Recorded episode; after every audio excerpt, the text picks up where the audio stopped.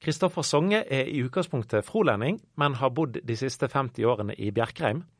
Musikk har vært viktig for Kristoffer Songe, og denne tidligere musikklæreren bruker fremdeles trompeten som han fikk i konfirmasjonsgave. Trompeten ble òg viktig for trosreisen hans, selv om troen er noe som han alltid har hatt med seg. Ja, det tror jeg nesten jeg må si. Selv om du har hatt din eh, eskepader, har jeg nær sagt. Men, men, jeg begynte veldig tidlig i et ungdomslag som heter Ungkristen i Froland. Og det var fordi at jeg spilte trompet. Så jeg fikk begynne før de andre, fordi jeg hadde bruk for trompet. Ja. Så fra jeg var tolv år, så var jeg med der, selv om de andre var litt eldre. Ha.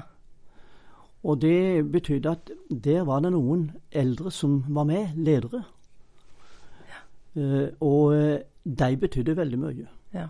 for uh, utviklingen av, av, av dette her med, med kristenlivet. Og så hadde de òg, av alle ting, hver mandagskveld klokka halv ni hadde vi bønnemøte i kirka i Froland. Ja. Og de har det visst ennå. Og det, det sitter i meg. Ikke det at det var så voldsom fest, men, men vi traff folk. Og eh, det betydde noe for oss, altså. Det var kanskje førsteplassen vi bar høyt. Og Så vi det- hadde ting å be om, og, og, og, og det var det som var med å forme meg, tror jeg. Mm. Og så etter hvert så ble du en bevisst kristen. ja. Så det Uten at da jeg kan si akkurat datoen for det, men jeg husker at på et eh, vi var på et sånt en vintermøte i Staffelsgade i Oslo. Nå med Indremisjonen, den, den gangen Indremisjonen. De hadde hvert år. Og på et av de møtene husker jeg at eh, en av lederne våre snakka med oss, og vi ba sammen etterpå. Og det var på en måte det som kanskje var den bevisste, bevisstgjøringa vi trengte. mm. Litt det du har fortalt nå, eh, sier nå litt om hvor viktig det er å ha forbilder, da? Litt eldre ungdommer kanskje, eller eldre som viser litt vei? Det er helt klart at hvis jeg skal gå ut fra sånn som jeg har opplevd det, så er det noe av det aller viktigste i ungdomsarbeid, i korarbeid, i ungdomsarbeid, at det er unge voksne, eller modeller. Mm. Jeg liker å kalle det modeller, for det er det det er. Sånn som de gjorde, sånn vil jeg gjerne være. Og det har òg betydd noe for det engasjementet sjøl har hatt. Ja. Hva betyr trua på Jesus for deg i dag, da? Som eh, eldre mann? Det betyr det. For det betyr Altså, når du tenker Det betyr noe for tankesettet. Det betyr noe for måten du handler på. Mm. For når du er en kristen, så har det sine konsekvenser. Og det Og så er det jo veldig flott med det at uh, Iallfall er det sånn for meg at uh, jeg er oppe i en situasjon, ja, så Å, Herre, hva gjør jeg nå? Hva, hva vil du jeg skal Hva skal jeg si? Altså, Det første du henvender deg til i enhver tankesett eller enhver situasjon Og Jesus. Så, så, så, mitt kristeliv handler mye om å snakke hverdagslig med Jesus i enhver situasjon der du trenger det. Det er jo egentlig sånn, sånn det er. Mm. Ja. Du sa litt om det nå med, med ungdommer som var forbilder, men har du eh, en eller to personer som har vært viktige for trua di, utenom deg? Ja, mor mi. Det var en undersøkelse for ikke lenge siden som ble presentert hvem som var de beste influenserne. Og på en desidert førsteplass kom mor. Og mor mi var en ydmyk kristen. Hun la sin bibel hver eneste dag. Og eh, hun har, hennes tro har betydd veldig mye for min tro. Hun var et romslig menneske, men samtidig så var hun, så var hun eh, veldig tydelig på ting. Og eh, hun har betydd mye for Også i min ungdom så var jeg en del borte i eh, disse teltmøtene med Jon Olav Larsen. Jon Olav Larsen han ble jeg kjent med seinere. Og eh, det betydde mye. Hans forkynnelse, det, det var jo fantastisk å være på møtene den gangen da folk strømte fram og ville bli omvendte. og Det var vekkelse. ja, en fantastisk vekkelse. Og, og jeg var med sjøl på noen av møtene. Var, hørte på mange, og så av og til spilte. På ungdomstreff på trompet. Og eh, det var, det var kjekt. Men det betydde uendelig mye. Det var forbilder. Og forkynnelsen den var sånn at du, kun, du kunne forstå han. Ja. Han talte jo folkelig. Mm. Og det er jo noe av det som særpreger han. Ja. Seinere så, så traff han igjen når han ikke var predikant. Han opplevde jo en nedtur, han som alle andre. Da var han på to, ved to anledninger på besøk på skolen vår. For han var leder for uh, Misjonsalliansen. Mm. Så da var han to ganger og fortalte fra Arbeid. Mm. Han betydde en, en, god del for, for meg, mm. det vil jeg si.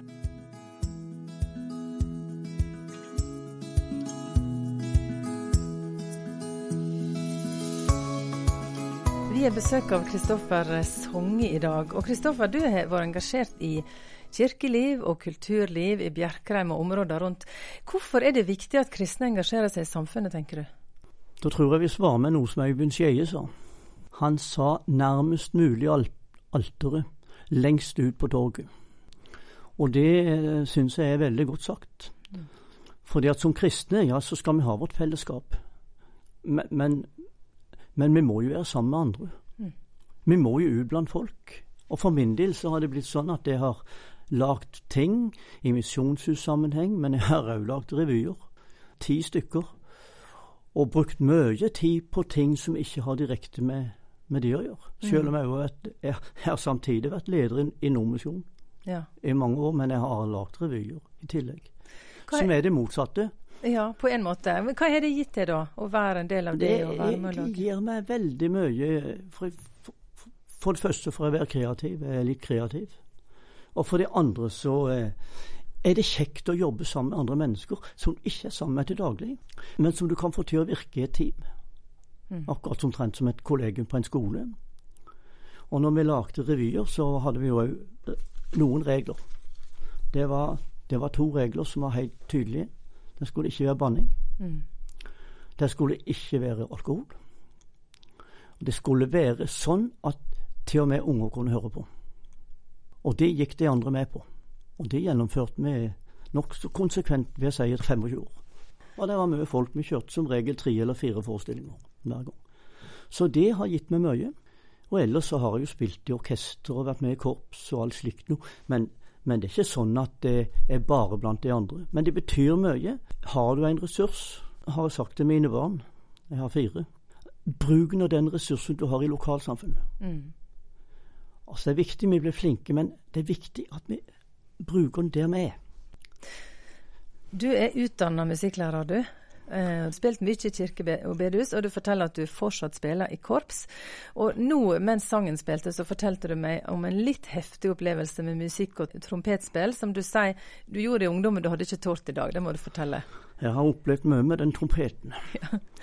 Jeg fikk forresten mitt første egne trompet for alle mine konfirmasjonspenger i 61. Ja. Og siden har jeg hatt de. eh, men eh, med én anledning. De var i 1962. Da var det landsungdomsstevne for Indremisjonen i Kristiansand. Og da ble møtet på søndags ettermiddag fra Domkirka i Kristiansand den ble overført direkte til NRK. Det var 1200 mennesker. Og der spilte jeg trompet. Og, jeg hadde aldri tort gjort det da. Og det var, det var, ikke hvem som helst som var med. Det var Jon Olav Larsen som talte, og Rolf Listrøm og Lage Vedin som sang. Så, og, og, så spilte jeg trompet. Jeg spilte spirituell, og det har jeg som regel spilt bestandig i sånne sammenhenger. Og det gikk greit. Det artige med det hele, det er det at uh, hun som jeg nå er gift med, hun hadde hørt på de møtene i 62, traff hun i 64. Og hun hadde en kassettspiller hun hadde fått til konfirmasjon. Hun hadde tatt opp de der, det der. Men eh, nå er de bandet vekke. Men, men, men, hun hadde hørt jeg hadde spilt. Og så ble det også når han var gift i 55 år. Men trompet, det har gitt meg mange gleder, og noen tabber. Ja. Det er sånn hvis du spiller alene. Men jeg har spilt i korps. Når jeg har hatt anledninger de siste ti åra og spilt i korps. Nå er jeg den eldste såkalt eldste, 76. Ja. Men det går ennå. Ja. Ja. for er, jeg har spilt i korps sjøl. Jeg spilte ja. da althorn, så det er ikke så vanskelig. Men trompet det er litt vanskeligere å få lyd i. Ja, men jeg har gått over til andre- eller tretrompet, for ja. dere ikke øve så mye. Så jeg, jeg har spilt første alltid før, men eh, nå gjør jeg ikke de. Ja. Men du, hva er det med musikk? Vi snakket litt om det på forhånd her, for det får jo fram i oss følelser og minner. og og det gjør noe med oss det med når du tonesetter ting. Mm. Ja. Det, er, det, er, noe med det med kombinasjonen mellom tonene og teksten. Mm. Og uh, ideelt sett så skal jo toner passe til teksten. Det er jo ikke alltid en gjør det, for er av og til du bruker du bare bruker noen tekster, og så passer de til noen andre melodier, og så bruker du de der. Mm. Bruker du andre melodier på dem, men, uh, men det har noe med det å gjøre at Altså si en følelse som du gjør at du føler deg vel. Mm. Eller du syns det Du gleder deg over det. Eller du kan, du kan uttrykke alle slags følelser. Sorg. Bare med toner. Mm. Kan spille en melodi i moll som er så sørgelig at du eh, kan mm. gråte. Og du kan spille en happy melodi i dur som mm. gjør at du hopper og danser. Ja. Det er rart, det. Det er rart. Musikken er en mangfoldighet. Det er et eget språk. Det er et eget språk. Mm. Det er det. Og det har jeg sett på skolen òg. Jeg har jo hatt ufattelig mange musikktimer, omtrent 10 000. Ja, du telte jo Og det er ikke rart det ser ut som en stemmegaffel, sier folk. men det, nei, det er jo heftig. Men det har vært kjekt musikk jeg alltid hatt på skolen. Uansett om jeg var rektor eller hva jeg var. Jeg hadde alltid musikktimer. Ja. Du likte å ha musikktimer? Ja, jeg syns ja. det var kjekt. Ja.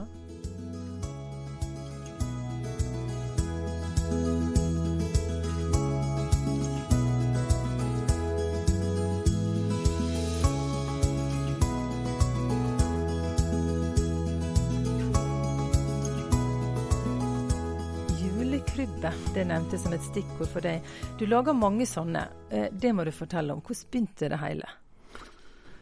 Det begynte egentlig i uh, lille julaften 91, når jeg las et stykke i Stavanger Aftenblad om uh, ei julekrybbe som sto i domkirka i Stavanger, og lagd av kunstneren Roland Lengauer. Som var annerledes enn alt det jeg hadde hørt om og sett. Og uh, Nina Thomsen hadde skrevet et stykke om dette her, og så skrev hun at her var det sånn som om det var i Bjerkreim sto der. Og mm. de, de tente meg veldig, så jeg reiste inn og så på krybba. Og eh, de så hustrig ut. Mm. De var russig, rett og slett. For de som satt der og hutra i snø, og hadde det kaldt, og noen engler i piggtråd over der, og, og det var ei spesiell krybbe. Men det slo meg med en gang. Det er jo sånn det er. Dette var jo virkeligheten. For det er jo ikke sånn at uh, alt er glansbilde. For hvis du ser på alle disse flotte kunstverkene og krybbene, så er det jo på en måte en glansbildeversjon av sånn som det var. For det var jo rett og slett ikke sånn i det hele tatt. Men skraper du vekk glitteret, og skraper du vekk eh, stasen, så, så, er det klart at eh, da kommer virkeligheten til syne, og den var helt annerledes, altså. Det var realistisk på alle vis med ei kvinne, ung kvinne som fødte sin unge med smerter og blod og, og, og alt. Og, og, melkespreng og alt som måtte finnes. Mm. For, for, han kom jo som et barn. Og hvis du tenker på hyrdene, ja, de hadde Det de var ingen kleskode i Betlehem, altså. De passet godt med hyrdene, for de andre hadde det ikke annerledes. Men, men vi fremstilles lett som noe aldeles annerledes. Mm. De har lyst til å lage. Jakob Weidemann hadde gitt ut ei bok om juleevangeliet, og der, der skrev han i forordet at han gikk ut i stallen. Og så fant han noen materialer som hadde tiden i seg. Han fant noe gammel striesekk, jutesekk, og så noe bølgeblekk. Papp, noe papp. Det malte han eh, de tolv bildene til juleevangeliet, som er blitt berømt. Så tenkte jeg må ha noe slikt noe, noe med tiden i seg. Og rekved tenkte jeg det måtte være bra, fordi at eh, da er det om å gjøre å ta vekk minst mulig men sette det inn i en ny sammenheng. Akkurat som et menneske som er kommet i drift. Og det er mange mennesker som er kommet i drift. Men hvis du greier å hanke det inn, og gi det en ny verdighet, sette det inn i en ny sammenheng, så fungerer det. Så på en måte så er denne rekevinen blitt som Det er omtrent som er menneskene. Altså det er et kristelig materiale. Og så har jeg brukt det etter hvert, og så bruker du noen symboler som du tar på krybben i tillegg til dette her. Du bruker piggtråd fra en bunkers på Tromøya, en krigstidsbunker på Tromøya har jeg. Du forteller at du en gang tok med hjem masse stein ja. fra Betlehem, som du bruker? Jeg var på Betlehemsmarka i oktober i 2006. Og utenfor eh, Så da var vi på Betlehemsmarka. Det var i grunnen en nedtur. Det var, det, det var alt annet jeg hadde forestilt meg enn akkurat sånn som det var. Men, men det var ei røys, steinrøys, så jeg plukka med meg stein. De ble sju kilo fordi at jeg veide kofferten Når jeg reiste ned, veide han 13 kilo. Når jeg reiste hjem, veide han 20. Men jeg hadde kjøpt noe annet. Så jeg hadde sju kilo stein. Og jeg spurte guiden tror du det går gjennom. På, ja, det, det visste hun ikke, for det hadde aldri hørt om. Nei.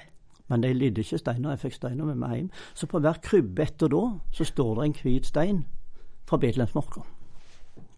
Så det er en av de tingene. Mm. Og så er det òg at eh, ja, det er rekved, men det er òg litt katedral i det. Krybbene har en idé, et tema.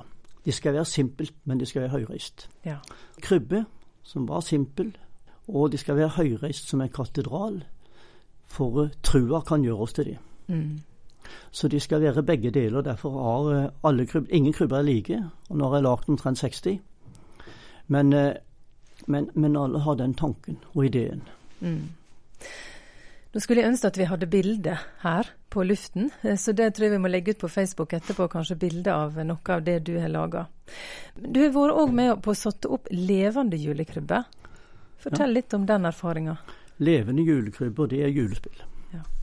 Og de har, eh, foruten at det i skolesammenheng har lagd mange slike, så har vi lagt sju stykker til jule, julebyen Egersund, som er framført i Globen Egersund. Det er det som gjør julebyen Egersund. Det er Globen der alle kan få opptre, eller mange kan få opptre, og det er gratis å komme og gratis å være med. Mm. Det er en kjempeflott sak. Og sju ganger har vi skrevet, har jeg skrevet julespill som jeg har hatt én med til å regissere. Og da bruker jeg unger, eller ungdom, fra Bjerkreim som jeg kjenner, eller som jeg visste var flinke. Og så er det noen sanger, og så er det noen sånne små minimusikaler fra en, opp til en halvtimes tid. Mm. Og Det har jeg gjort sju år. Og det med julespill, det er, flott. Det er virkelig formidling eh, av et budskap i høy klasse. Og ungene gjør det sitt. Det er kjempegildt.